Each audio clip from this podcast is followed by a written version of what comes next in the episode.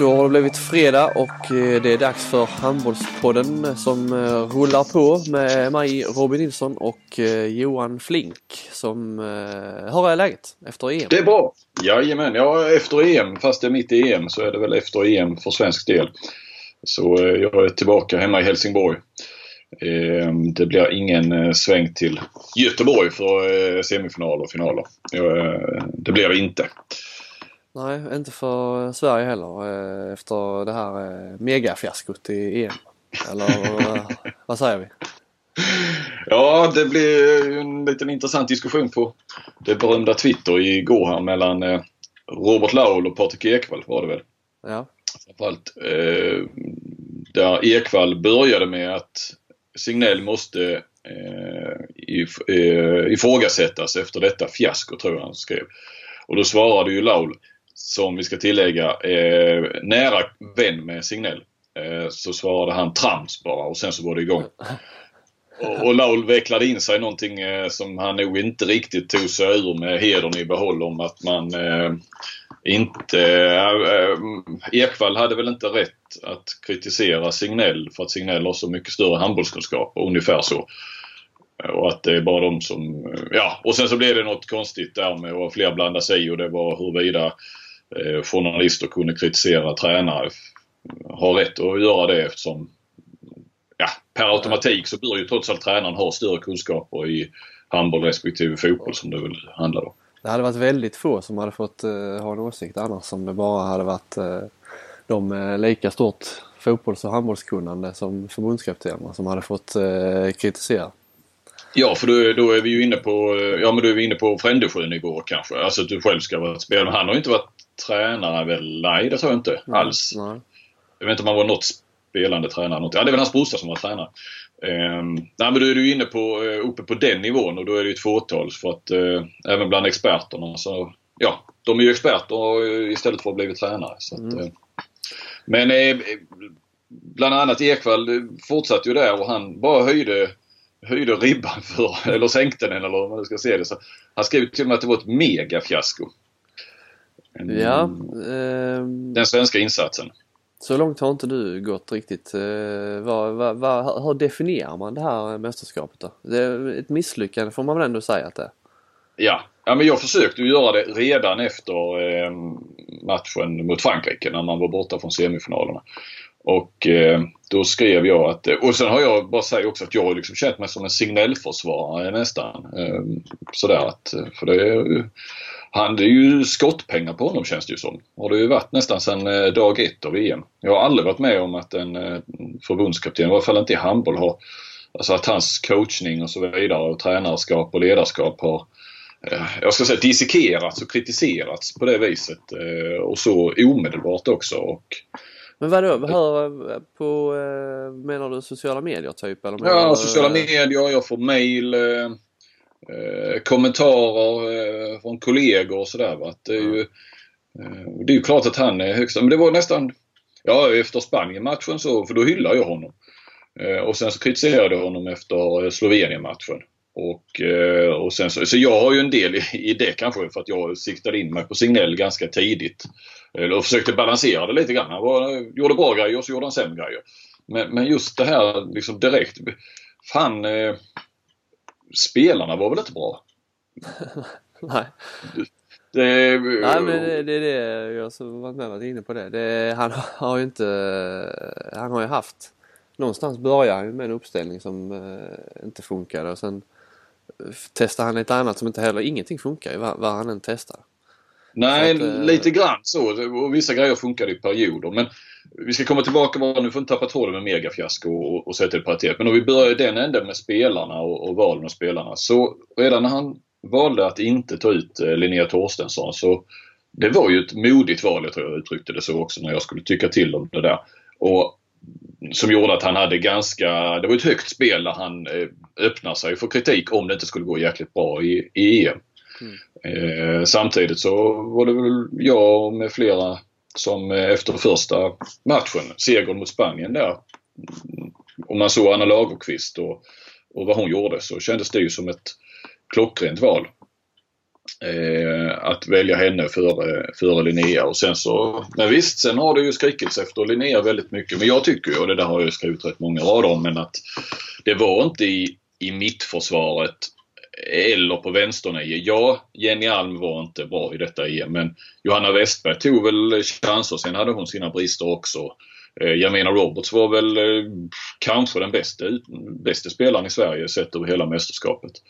Ehm, och sen kan man då tycka att ja men Torstensson kunde väl liksom, måste finnas en plats bland de 16 ändå även om hon inte ska vara första valet. Men ja, då kommer vi in lite grann på, det handlar lite om gruppdynamik och, och sådana saker också. Så att, eh, ja, jag, jag, det jag kom fram till i varje fall och tycker det är att Linnea Torstensson inte, det var inte hon som saknades eh, i det här mästerskapet.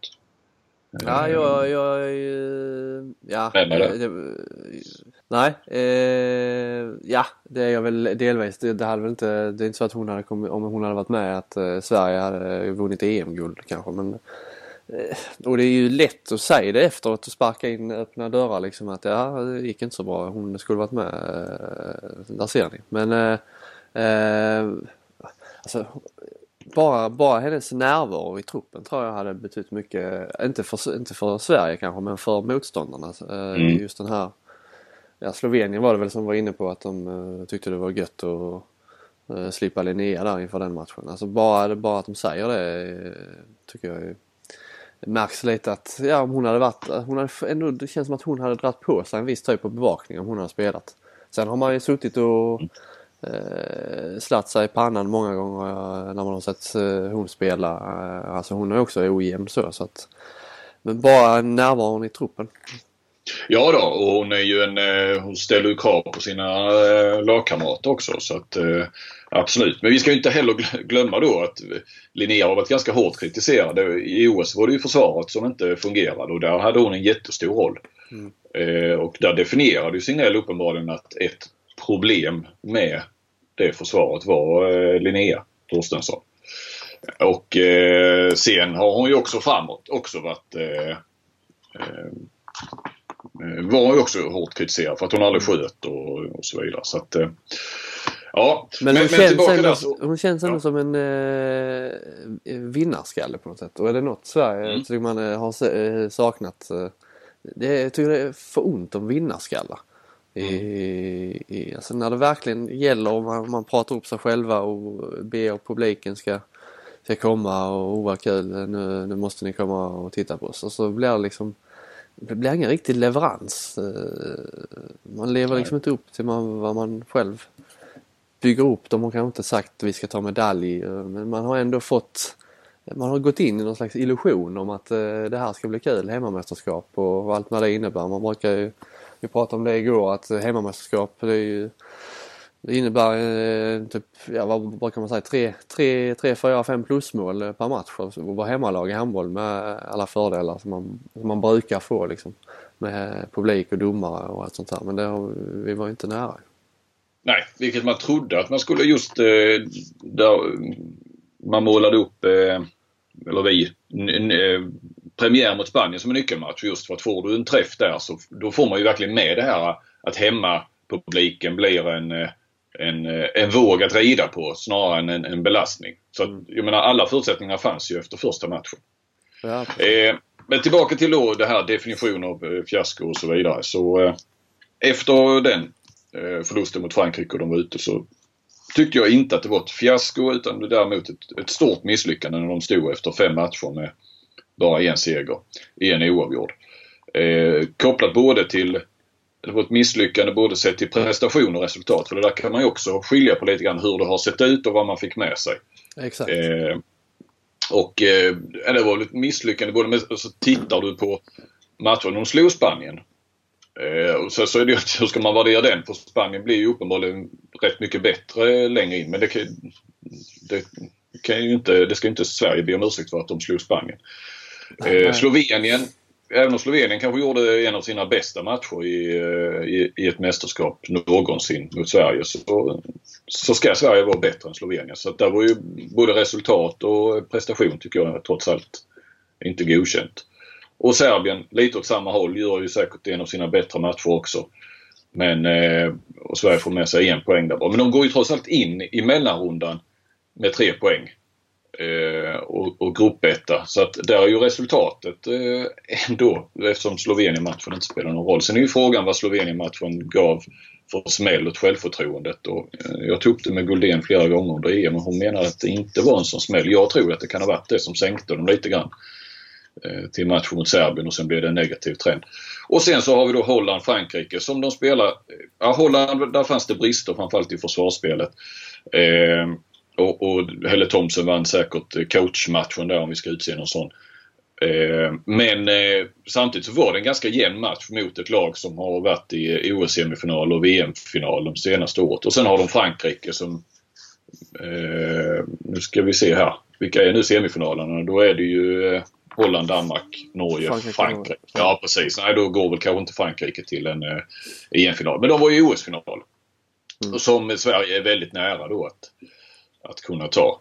Eh, Serbien för övrigt skulle de ju ha vunnit. De hade ju chansen att göra, vad var det, 30-28 eller någonting. Ja. Eller 29-27 eller någonting. Ta en tvåmålsledning. Eh, ja, det tyckte jag var stort misslyckande. Och sen kommer då den här och samtidigt så går det inte heller liksom, i det läget efter Frankrike-matchen att döma ut det helt heller. Alltså, de var, vi rätt hyfsade där då ju. Alltså, vi, var ju, vi var ju nära och med i matchen hela tiden. Och, eh, vi ledde väl inte speciellt mycket men vi... Eh, alltså det, det, var ändå en insats man kan... Eh, ja, det var ja. väl okej okay, tänkte man eh, ändå även om det, Precis. vi åkte ut. Och så fanns ju fortfarande möjlighet till seger mot Tyskland. Eh, så man kände att de eh, kunde ta för att någonstans på, innan de gick in i mellanrundan så kändes ändå Tyskland som den mest överkomliga av de här tre motståndarna. Även om man har varit, haft, spelat oavgjort mot Holland i tre raka och som då känns passat Sverige ganska bra jämfört med Frankrike som vi alltid har svårt för.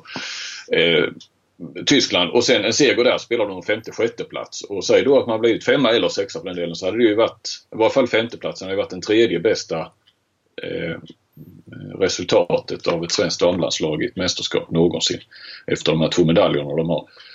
Men så får vi den här Tysklandsmatchen som ser ut som den gör och den gör ju att som jag det var ju, det var luktar fiasko. Ja det, är, det är ju fjär, alltså, ju sämsta insatsen. Ja.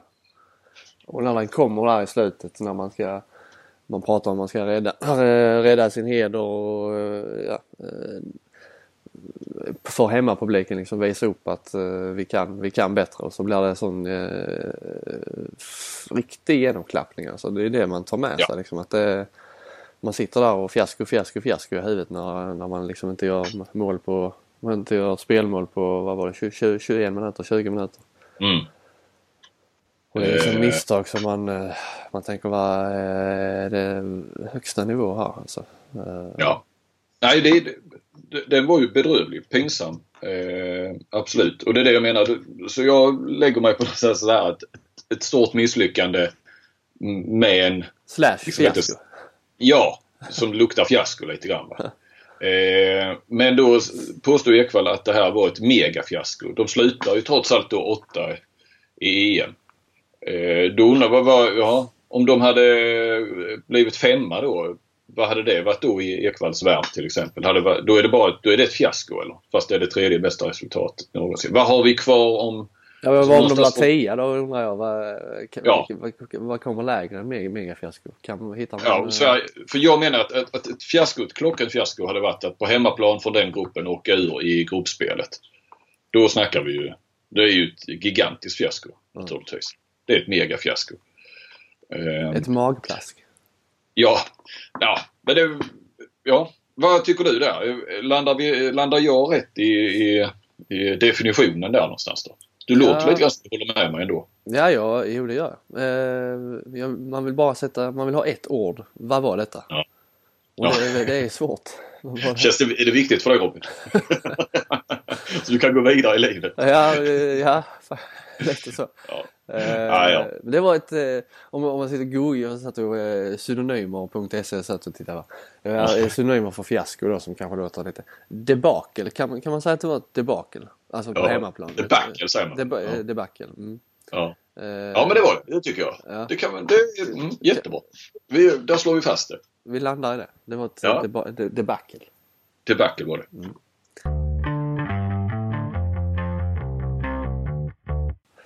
Ska vi tacka? Nej, Signell också kanske. Ska, ska vi ta några ord med honom också? Ja. Han, han, han, kan ju absolut ifrågasättas och, och, och han ska kritiseras.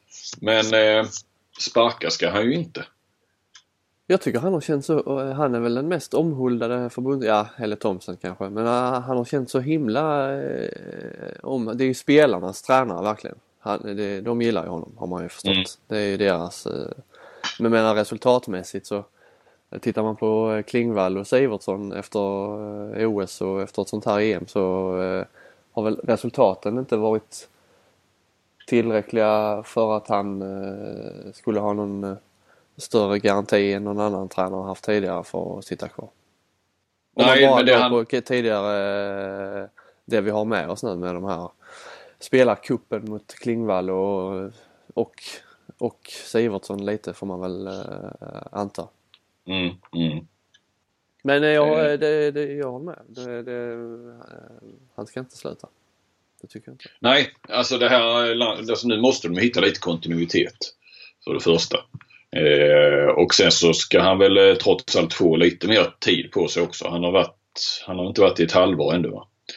Eh, och eh, nej, men jag bara ser ändå man, man och får, fått en hel del mejl då om, om Signell och lite grann och spelare och sådär. Man märker att det finns det här mot Sävehof, den här gamla sekten lite. Alltså synen på Sävehof som en sekt och han tar bara ut sina spelare och sen så då så är de som ska in Linnea Torstensson och Angelica Wallén det är de med Skövdeanknytning eh, eller eh, från Stockholm eller lite så. Och, eh, och, och sen liksom alla, eller alla, men väldigt många. Oh, om vi bara haft Helle Thompson hade varit garanterat semifinal. Eh, hon gjorde det fantastiskt. Hon är en jättebra tränare. Hon ordnade saker och ting på, på ihop med Sivertsson då, bronset, på väldigt kort tid också och, och tog dem in till ett OS-kval. Eh, duktig coach och eh, tror jag inte minst det här att få få spelarna kanske tro att de är bättre än vad de är. Men de pratade om det här just när de skulle möta Holland. Att Pelle Thomsen kan få ett lag verkligen att ja, bygga upp en form av självförtroende och ett flyt och liksom att, att man bara kör. Mm. Så där, där, har hon nog... Eh, Men det är ju lite mysstämning runt eh, runt Sävehof. Alltså just nu med, med damlandslaget. Det har ju, jag tyckte det var för mycket mys generellt med Johanna Alm satt i, som var i TV. Jag vet inte hur mycket du såg av eh, Nej, inte alls.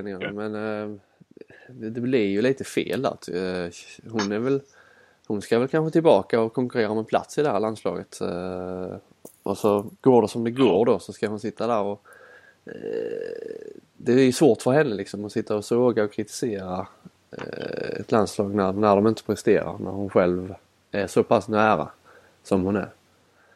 Ja, ja precis. Och inte ens, nej hon har inte slutat ännu. Det är inte det att hon, nej. Utan hon ska ju, vill ju in i det igen. Och, Ja. Det är hennes egen klubbtränare och så vidare. Nej, det är ju mycket möjligt. Jag trodde ju att det skulle bli eh, bra det där. Jag tror jag slängde väl en tweet när det kom ut att hon skulle eh, bli expert. Men eh, nej, men jag, det, det var kanske lite obetänksamt av mig att hon står lite för nära. Hon är fortfarande i det på något vis. Ska hon få gå då? Johanna Alm får gå. Hon är ändå ja, det, den stora Den stora konsekvensen av EM-debaclet blev att Johanna Alm får sluta som expert. Discovery värvar ju tungt på expertposten på tal om mm. Staffan Olsson. Ola Lindgren var ju ute och han ville ju, eller öppnade för att bli expert och lät lite ja. sugen. Och så blev det Staffan istället. Det var, det var oväntat. Ja, det finns ju eh, absolut. Som säger, det finns ju så enormt mycket pengar i Discovery. Eh, verkar de ju ha. Nu tror jag inte att det handlar om pengar i slutändan. Dessutom är det ju en jävligt billig lösning med Staffan eftersom han, har, han bor i Paris. Ja. Eh, och jag tror inte det handlar om pengar naturligtvis. Men eh, eh, bara, en liten parentes där bara med Discovery. Det var min kollega Erik Karlsson, han skriver mycket friidrott, som noterade, det var väl här för två veckor sedan tror jag, en fredag då hade alltså Discovery så hade de eh, slalom, de har ju rättigheterna till slalom nu tror jag. Eller vad heter det? Alpint heter det. Ja. Så det är damer och då hade de alltså ett kommentators, alltså en kommentator och bisittare på plats plus reporter. Det var någonstans nere i Alperna tror jag. Och i studion hade de Karin Frick, Anja Persson och Jonas Karlsson tror jag. En fredagkväll. Mm. Han twittrade om det redan då, Erik, på fredagskvällen att liksom, ja, kan, kan det här betala sig? Och sen så på måndagen hade han kollat tittarsiffrorna och då hade de kommit och då var det 18 000 som tittade på det. Mm. Ehm, på tal om resurserna de har Discovery. Ja, det är inte ens Viasat när det är Premier League-matcher mitt i veckan har de ju, ja, de hade studio i onsdag men ja, med, de är inte, de mäter inte ens de sig med, med den satsningen. Nej. Men du är tillbaka då, Staffan Olsson och Vanjes ja. Eh, som studioexpert och så Per Johansson och Jaralin som vanligt som eh, kommentatorspar. Det är väl ett av de tyngre, tyngre gängen som man har sett på ett handbollsmästerskap. Ja, det får man nog lov Så vad tror du om Staffan som expert då? Ja, det känns svårbedömd faktiskt. Ja. Eh, det får jag nog eh, säga. Men eh, samtidigt kan det nog bli, som han själv var inne på, det kan nog bli, om han hade varit själv tror jag det hade varit lite skakigare. Men nu är det ju både han och Vranje så de kan liksom få igång någon slags tugg där i, i, i studion. För båda ska väl vara i studion mm. om jag fattar det rätt. Ja, det ska de. Det gäller bara att de får tid också så det inte blir eh, sönderhackat av reklam och korta sändnings... För ska du ha två stycken som dessutom ska börja diskutera lite så då gäller det att ha, att ha utrymme för det också. Men det måste de väl ha annars kan de inte ta in två stycken. Ja, de hade ju, det var ju det som var lite eh, som var lite svagt sist vill jag minnas. Att de, ja, de slog ju på stora trumman att de skulle ha en och en halv timmes uppsnack och så Ja, det blir mm. inte så mycket av det där egentligen. Jag tror nog att du såg vem han hade som förebild va? Eh, Staffan? Uh, ja, uh, vem var det? Lagerbäck. Just det. Lasse ja. Lagerbäck. ja, det, var ju sig, jag vet inte, ja, ja. ja, är det bra eller? eller jag gillar Nej, Lagerbäck men, men att ha ja, eh, som för, förebild, jag vet inte. Ja, jag hann knappt ställa frågan färdigt tror jag. Sådär. Vilken expert lyssnar du på själv? Äh, Lasse Lagerbäck, det är min förebild. Okej. Okay. ja. Eh, nej men Staffan är ju Alltså Vranjes är ju den som tror jag kan säga mest grejer som vi kan hicka till kring eller sådär va. Han är ju lite mer frispråkig känns det som. Staffan, eh, det har vi ju det där har jag ju ältat flera gånger i den här podden också. Att, eh, han försöker tänka efter ganska mycket innan och det är väl inget fel att tänka innan man pratar men under mästerskap i varje fall i rollen som förbundskapten så har, han känts ganska så eh, inbunden och sådär. Så vi får väl se nu hur det... Det kanske är lättare när man eh, man är ju olika. Han gick ju in, kändes som extremt i någon mästerskapsbubbla där. Ja. Vi tackar eh, iPlay. Eh, sprang på eh, Arrhenius med kollegor i, eh, också i Göteborg var det ja. Satt de och eh, höll igång sina partners och eh, ja, lite olika spelare där de skulle ha var med. Jag vet inte vem de satt och snackade med där då. Det var, om det var någon av holländskorna eller fransyskorna och sånt där. Så. Värvade spelare.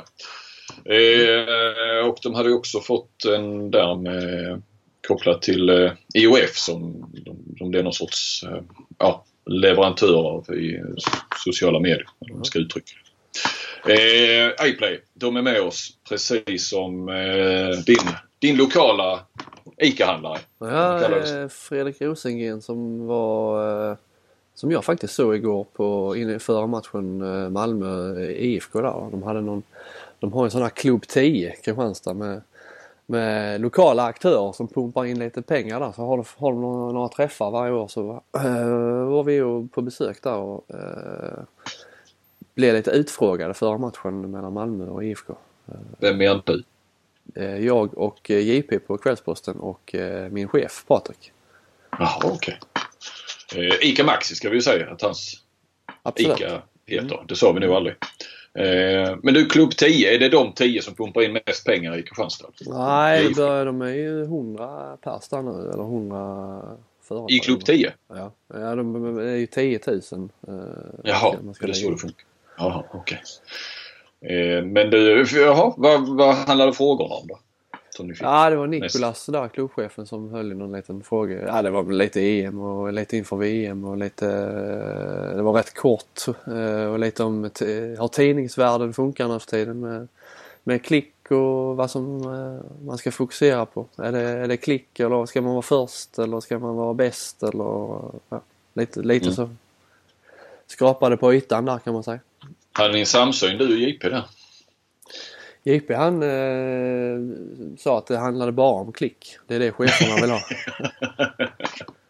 ja. Det är väl kanske därför han har kallat Linus Persson i IFK Ystad för eh, Bela Guldéns pojkvän nu i en månads tid. ja. ja. Eh, välkommen hem Linus Persson ungefär. Liksom. Ja. Som inte Linus Persson han eh, bojkottade media där efter första matchen. Ville inte prata med journalister. Nej. Eller om det, det var Kvällsposten eh, på grund av detta. Jag vet inte. Det visste inte JP heller. Men han har, eh, han har lyft på bojkotten för jag såg han hade uttalat sig i, i Ystad Allehanda i alla fall. Ja, ja, men då kan det kanske bara varit mot Kvällsposten då. Mm. Ja. ja, så jag har ju aldrig Bella kört. Det har aldrig varit några bojkotter där. Nej, det, det, den auran har hon inte. Bojkott Nej. Nej. Eh, det jag tänkte på tal om JP där. Eh, Kvällsposten är ju, det är ju Expressen-koncernen. Jag ska bli undra vem som ska åka för Expressen ner till VM. För eh, Nicolin ska på alpina VM sen hon ska inte på handbolls-VM och eh, Malin Jonsson skulle inte dit när jag frågade henne. Men de, för de ska ju skicka någon. Det var ju snack om att de inte ens skulle ha någon där. Jag frågade faktiskt JP det. Han trodde att Nicolin, mm. men då är Ryan Reynolds here from Mint Mobile. With the price of just about everything going up during inflation, we thought we'd bring our prices down. So to help us, we brought in a reverse auctioneer, which is apparently a thing. Mint Mobile unlimited premium wireless. Ready to get 30, 30, bit to get 30, bit to get 20, 20, 20, bit to get 20, 20, bit to get 15, 15, 15, 15 just 15 bucks a month. So, Give it a try at mintmobile.com/switch. slash $45 up front for 3 months plus taxes and fees. Promo rate for new customers for limited time. Unlimited more than 40 gigabytes per month slows. Full terms at mintmobile.com. Det är inte uppenbarligen inte så. Nej. Nej, om det inte är endast då att hon ska åka. Men det sa hon i början av VM så skulle hon inte åka i alla fall. Så att, eh. Malin Jonsson ska väl sluta har jag hört. Jaså? Vad, eh, vad ska hon göra? Det är, det är oklart. Ja, okej. Okay. Men eh, jag vet att hon ska sluta i alla fall. Jaha. Ja, hon har ju skrivit, kan skriva böcker. Hon har ju skrivit en eh, väldigt hyllad eh, boxarbok där va? Ja, Frida, Frida Wallgren. Wallberg. Wallberg. Ja. Ja, det är boxning är vi ju inga experter på heller. nej. Har du slagit mm. någon någon gång? Eh, om jag, om jag, nej jag har aldrig slått till en annan människa, nej. nej. Nej, inte jag. Jag har puttat, min, eh, jag puttat till min lilla syster någon gång när jag var, när jag var, jag var tre år yngre. Det kan jag väl ha gjort kanske men inte, tror jag aldrig så att eh, blodvite uppstod. Ja. Eh, nej, jag har aldrig... Eh, jag fick en gång på eh, det var en kille som sprang in, han lite grann skallade mig eh, på, eh, vad heter det, tivolit i Mellbystrand vid midsommar. Ja. Eh, det, som att det är där, vad var jag vet inte, 16 år sånt där. Jag vet inte, han var nog skitfull och jag vet inte vad han kom emot. Jag kommer inte ens ihåg händelsen. Det var liksom inget bråk så men det träffade hakan i varje fall så att det, det sprack lite där. Men det var ingen fara. Jag det var inte, behövde inte uppsöka någon läkarvård precis. Utan du var helt oskyldig? Eh, ja, men det var jag. Ja, men jag är inte, blir aldrig äh, aggressiv i, äh, inte i varken nyktert eller onyktert tillstånd skulle jag vilja påstå. Så att, äh, nej, aldrig. Och det hade inte du heller? Nej, jag, det, jag hade inte haft mycket att hämta i några slagsmål så att jag försöker hålla mig borta. du har fått ropa på någon vuxen, på tal om förra, förra poddens lilla, eh, lilla guldkorn. Har du något sånt har du lika roligt att bjuda på den här gången eller? Nej, jag tror inte det. Uh, de sa faktiskt det när de presenterade oss där på klubb 10-mötet igår. Så Niklas, Nikolas sa, ja så är det Patrik Nilsson sportchef och hans uh, son Robin Nilsson. ja, det finns så många Nilsson där ju. Ja. Men Patrik har väl en bror i alla fall? Patrik har en bror och han är lika gammal som min mamma så rent teoretiskt så hade det funkat. Men eh, vad heter han? Jonas va? Brorsan? Ja. Är han äldre eller yngre? Uh, han är ju yngre. Uh, Nej, nu blir jag fan osäker. Nej, okej. Okay. Och så har ni Marcus också. Nilsson. Ja, Nilsson, ja. Ingen, ingen släkt. Mer än bröderna. Bara bröderna som släkt. Precis. Uh, du, i, i, I detta nu så får jag ett mail från vår klippare. Kommer, ja. det ingen, kommer det ingen fil idag? Ljudfil? Svarar han att eh, det är på gång? Jo då, vi spelar in nu. Eh, kommer lite senare. Håll ut. vi spelar in nu. Det här blir ju verkligen i realtid. Det blir lite met alltihopa här nu. Ja. Så fick vi också med att det är fredag förmiddag. Så här sent har vi aldrig spelat in under veckan. Jag såg eh, förresten eh, eh, Usain Bolt-dokumentären eh, I am Bolt. Eh, Mm. Rätt trevlig. Vi, vi, jag är väl fascinerad av honom eh, som den enda personen i världen. Eh, han, han är född, vi är födda exakt samma datum, samma år. Så vi har följts åt kan man säga under våra karriärer. Sen har de tagit lite olika, olika riktning eh, kan man säga. Men, eh, och jag tänkte på det för, för han har ju för, för övrigt en tränare som verkar vara en riktig härlig. Glenn Mills, Mills tror jag han heter. Eh, Ja. eh, vet du, känner du igen honom? Vet du vem det är? Nej, nej.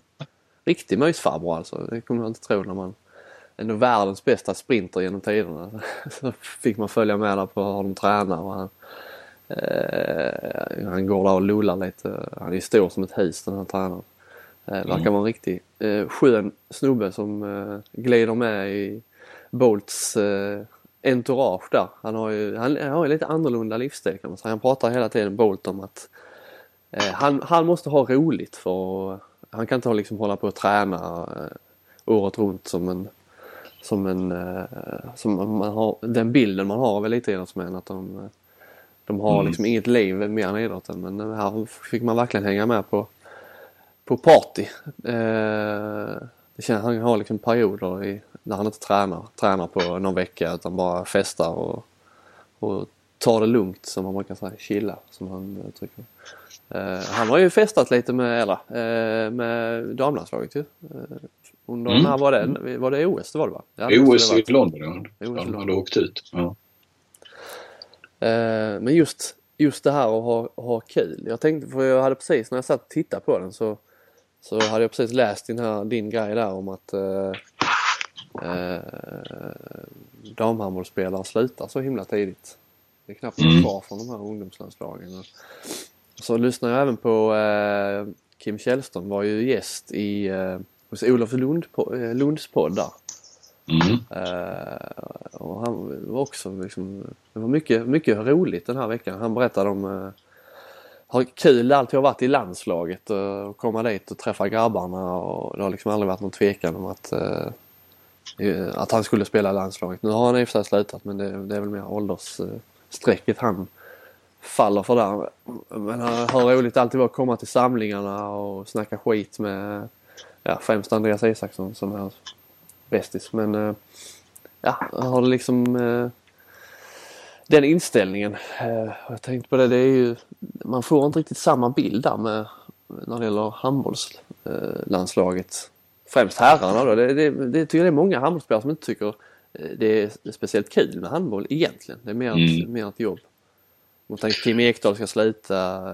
Sjöstrand tycker inte, Johan Sjöstrand tycker inte det är så roligt egentligen. Eh, han- Det är roligare med hästar och ja, lite den bilden. Är- jag, Mm. gör jag en, eh, en krystad koppling eller eh, finns det något?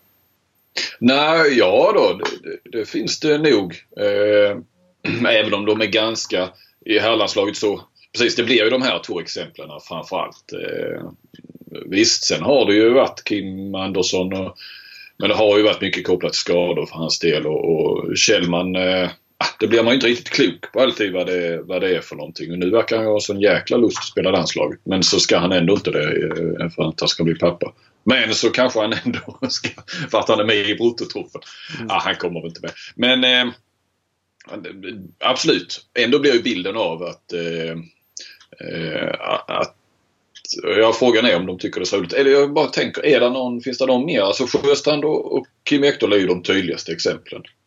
Ja, vi hade ju Eh, Marcus där- Alm som, som spelade vecka ut och vecka in i Kiel men som inte spelade i landslaget. Visst, det, allting handlar ju om eh, ska, Kim, även Kim Ekdahl handlar ju om eh, ja, skador och Marcus Alm var ju skador. Men var, fan, hade man tyckt att det var Fan vad kul det är med landslaget i Sverige. Eh, Vad kul det är med att spela i landslaget så hade man ju Ja, ja, alltså Kim Ekdahl säger själv, han har ju inte missat en match på tre år eller vad det nu var, eller två år i Tyskland. eh, Så att visst, mm, det kopplas till belastning och sådär men, men herregud, det är ju klart att han eh, skulle kunna varit med några gånger i varje fall under den här tiden.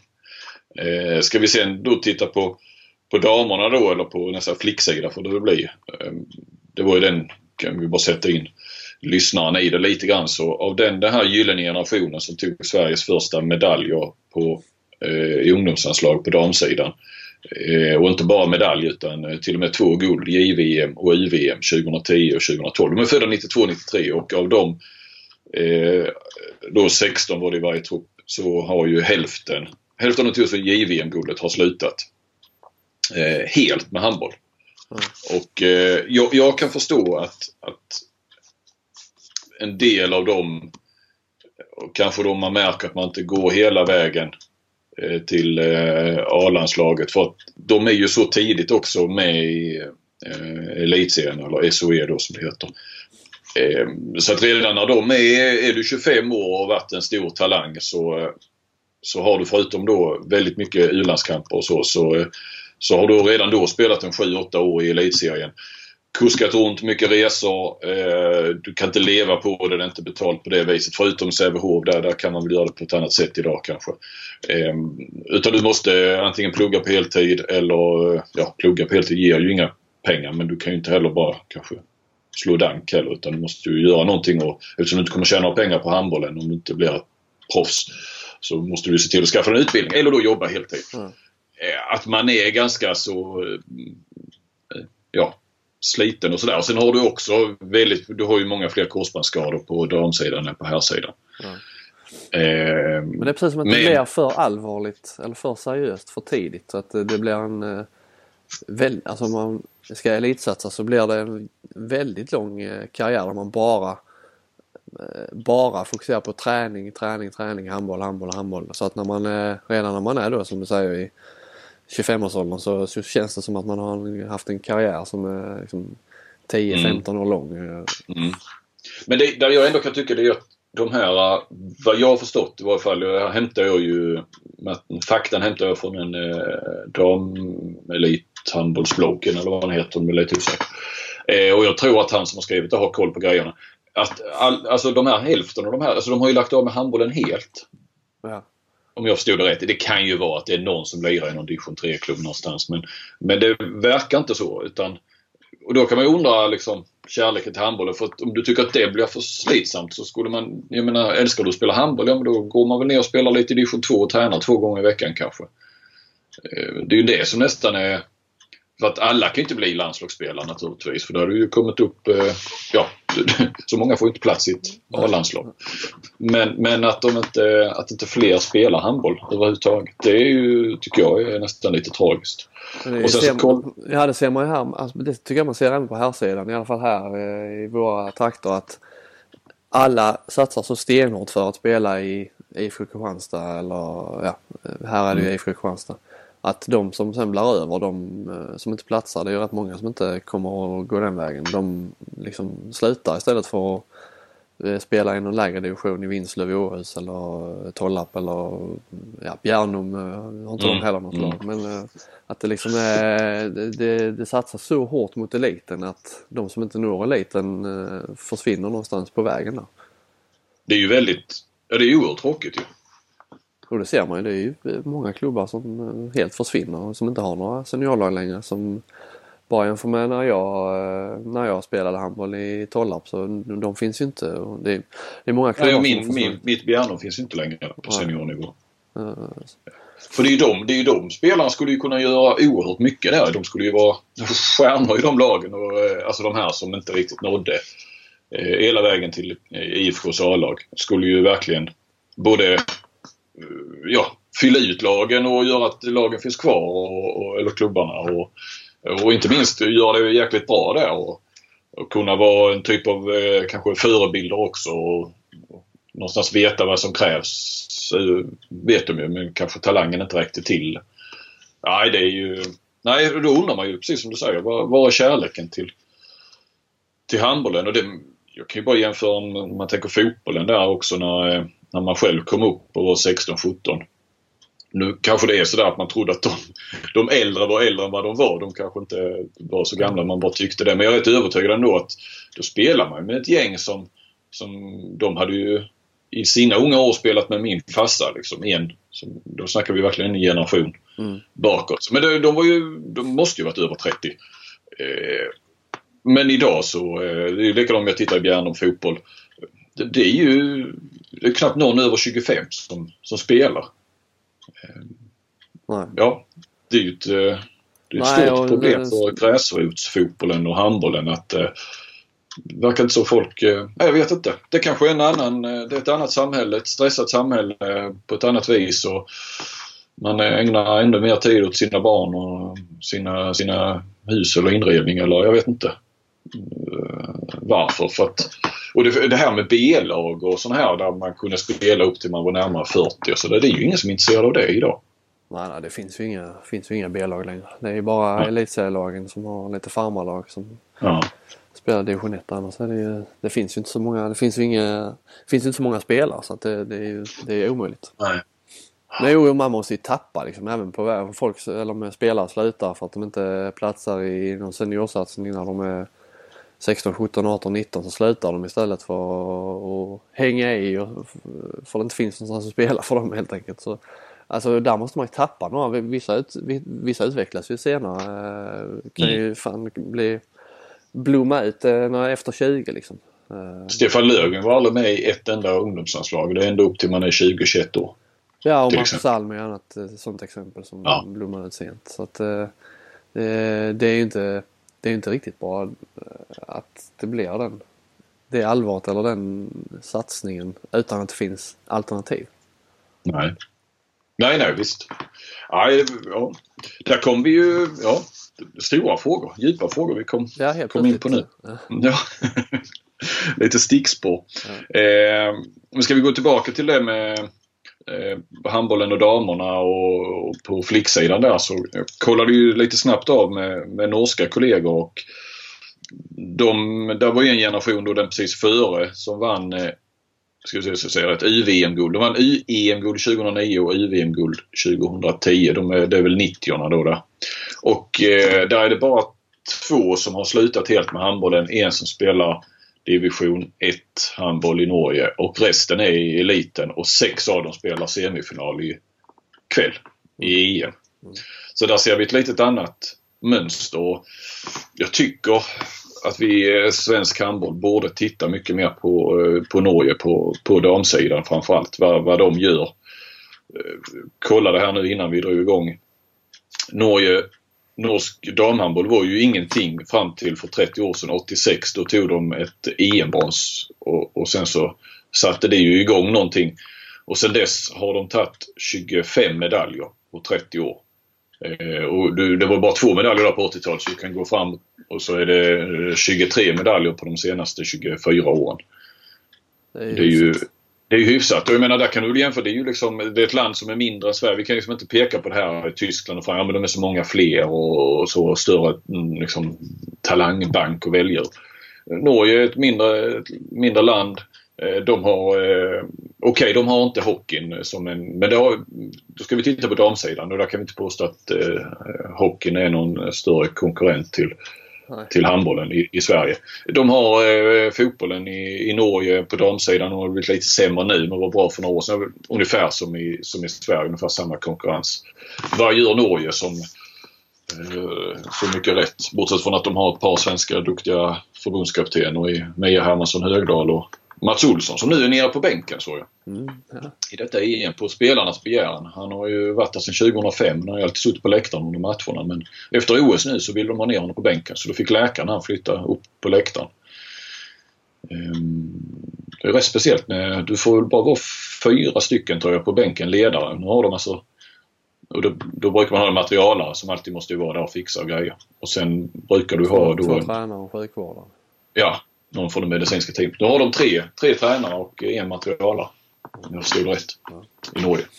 Eh, nej men det, det är enkelt parallellfall med Norge. Bör eh, Sverige nog titta lite mer på. Eh, vad de gör. Det kanske de har gjort. Det är ju jättekonstigt om de inte skulle göra det och jag tror inte Norge håller, har några hemligheter.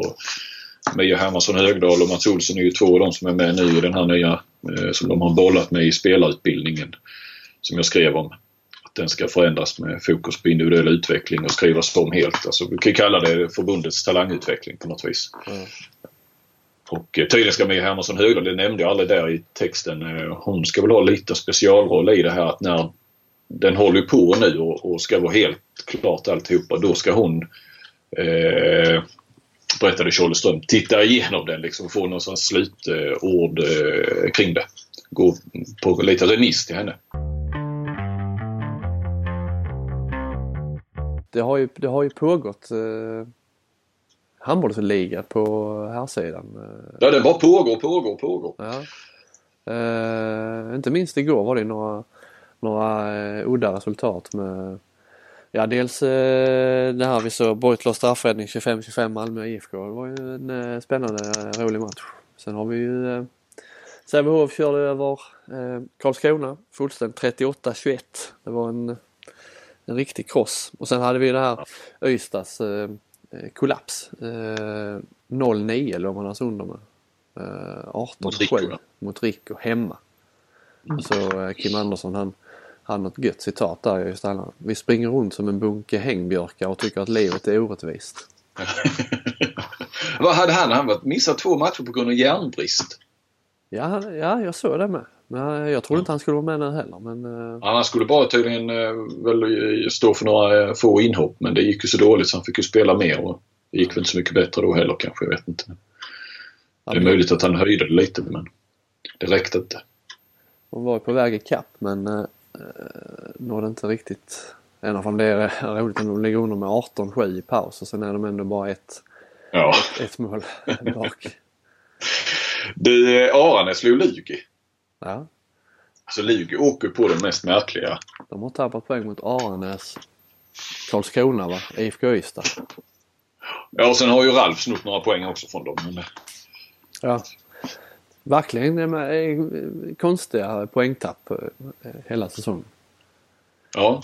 Och än en gång, min eh, tes sprack. Ännu en eh, kväll så sprack min tes om den, den uppdelade eh, serien. Ja. Men det är inte färdigt än. Eh, vi ger det till slutet av serien så ser vi sen om, om har rätt. Du, du kan mycket väl få rätt i slutändan.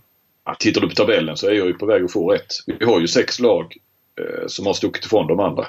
Sen så hade jag väl med eh, Ystad och inte RIK där bland de sex. Så det är min miss i så fall. Mm. Eh, Lugi på sjätte plats har alltså 22 poäng och Guif på sjunde har 15 poäng. Mm. Och då skulle ju Lugi haft, i och för sig skulle RIK haft lite färre poäng. Ja, det här, jag tänker på den här eh, poängen som fråntogs från Lugi och hit och dit. Så ja, det hade väl inte gjort så stor skillnad. Lugi skulle haft fler och andra sidan skulle RIK haft färre. Så det kanske blivit jämnare på sitt sätt på något vis. Men eh, två poäng skiljer mellan ettan och sexan. Det är lite kul. Ja det är det. Det är svårt det... att säga där. Alla har inte spelat. Den är ju återigen lite haltande då. Men det ska den ju vara den här serien om vi ska känna igen den. Ja, exakt. Eh, jag vet inte om man kan säga Förlåt, så mycket. Får jag säga en sak till? Åh, oh, jag sticker emellan hela tiden. Ja, det är klart du får. Ja, tack Robin. Guif har alltså på eh, vad sa jag, sjunde plats ja. Minus 10 i målskillnad. Det är rätt speciellt. Det är de här 10, de förlorar 0-10. Uh, ja visst ja. Ja ja. De tappar ju lite, lite mål där på dem. Jo, uh, men Lugi plus 35 fast de tappade två sådana 0-10. Ja, Lugi hade väl lätt serien va? Ja det hade de. Ja det hade de. I ett parallellt universum som ja. Eh, ja, ekonomiska granskningen börjar snart. Se, jag ser ljuset i tunneln faktiskt. Nikolas Larsson frågade faktiskt igår när kommer den här ekonomiska granskningen som det har varit ja. så mycket på tapeten. Eh, är den på gång nu alltså? Ja det är den. Den är den. Den är någonstans inne i en slutfas. Det är många moment hit och dit jag vill att det ska bli eh, bra. Så det är mycket grejer som ska kollas upp och sådär. Men jag är inne i en skrivfas här nu. Ja, jag fick ju göra lite uppehåll i och med EM. Och, ja, har väl inte känt någon heller panik. Det känner inte det så att det är någon annan som skulle hinna göra den före. Och, och sen så gäller det Ja, jag tror som i nästa vecka eller i mellandagen är perfekt också. Det finns lite, händer inte så mycket annat här nu. Så det ligger den bättre också. Inte så mycket annan konkurrens från andra, andra sporter. Lite andningsskål eh, efter, eller inför VM, handbolls-VM. Mm. Så kan det ligga rätt bra där och det är samtidigt som handbollsligan är ganska intensiv här nu. Va? många spelar ju nu i nästa onsdag blir det va? den 21. Mm. Nästan full omgång och sen har du väl också i mellandagarna, brukar väl vara på annandagen och sådär lite matcher. Mm. Så eh, ja, Nej, den är ja, emotsedd av vissa och kanske vissa som önskar att den inte görs. Alltså vissa klubbar, kan jag tänka mig. Verkar ju så i alla fall. Ja. Så, titta på det. Jag ser fram emot det här med tillförsikt. Det, det, det har vi väntat länge på. Mm. Eh, du, eh, Jim Gottfridsson stannar i Flensburg. De gick ju vidare i kuppen där ja. Det eh, hängde det. Jag såg att det skulle hänga på en enda match om han skulle få nytt kontrakt eller inte. Eh, läste jag innan matchen, sen vann de och så fick han ju nytt kontrakt. Så att, eh, det verkar Var stod det då? Eh, de skrev, jag läste det på Twitter för det var någon eh, tysk sajt där tror jag som hade skrivit eh, att vinner, går, går Flensburg vidare så får Gottfridsson nytt kontrakt. Åker de ut så får han inte nytt kontrakt. Men handlar det om storlek på truppen och pengar och så då? Eller handlar det om vad Gottfridsson gjorde i matchen eller? Nej det vet du inte. Nej det vet jag inte. Men de vann ju och han fick ju nytt kontrakt. Ja, jo, det låter som lite märkligt. Ja, en match ska avgöra det. Men... Stor press på Gottfridsson om han skulle få kvar dem. Verkligen. Men eh, kan det, nej det kan nog vara framme så, så att de går till, att, innebär det att de är framme i det här Final Four, tyska Final Four då? Ja. Att det var kvartsfinal? Ja precis. Ja men då, ja. Nej, ja, men, nu, men jag menar det är ju det är ju väl rätt mycket pengar antar jag ändå i, i det där. Och, och är du med långt fram där? Ja, jag vet inte. Det är ju en jättegrej. Det är Final Four i Tyskland. Alltså Tyska cupens semifinaler och finalspel. Ja. Så att eh, det, det är ju såklart viktigt. Eh, hopp, ska vi tacka våra sponsorer en sista gång eh, innan vi eh, stämplar ut för dagen. Eh, Ica Maxi i Kristianstad är med oss ett tag till i alla fall. Det tackar vi för. iPlay eh, Sport också. De eh, kör på. Eh, ja, det var ju ett kort avsnitt du. Ja, eh, eh relativt. Alltid relativt. Ja, ja, men det här borde väl kvala in på bankes, bland bankes principer då att han skulle kunna tänka sig att ladda ner det här avsnittet. ja, Såg du inte det? Jo, jag sa det. Ja. Han hade en princip att de som var över 1,20 eh, laddar han inte ner. Eh, men, det, men det, den gränsen klarar vi nu. Ja det gör vi ju definitivt. Men det är kanske bäst att vi sätter stopp här nu så vi får med oss banker den här veckan. Ja. Mm. Det är gött. Nej men vi kör nästa vecka också. Sen kanske det blir ett uppehåll i mellandagarna där. Vi måste ju, eh, måste ju vara lite återhämtning också. Den är ju väldigt viktig hör man ju. Återhämtning är nästan lika viktig som själva spelet. Ja. Eller träning. Så att eh, vi, vi tränar på nästa vecka också så kör vi lite återhämtning sen kanske. Vår kärlek till handbollen dör aldrig. Nu får du kurera dig du. Så, ja. eh, lite förkylningen där. Den... Eh, precis. Eh, nu ska jag ta, dra en filt över mig. Eller dra något ja. gammalt över mig. Så går vi vidare. Bra! Tack, tack för, så Tack för idag. Hej. Hej.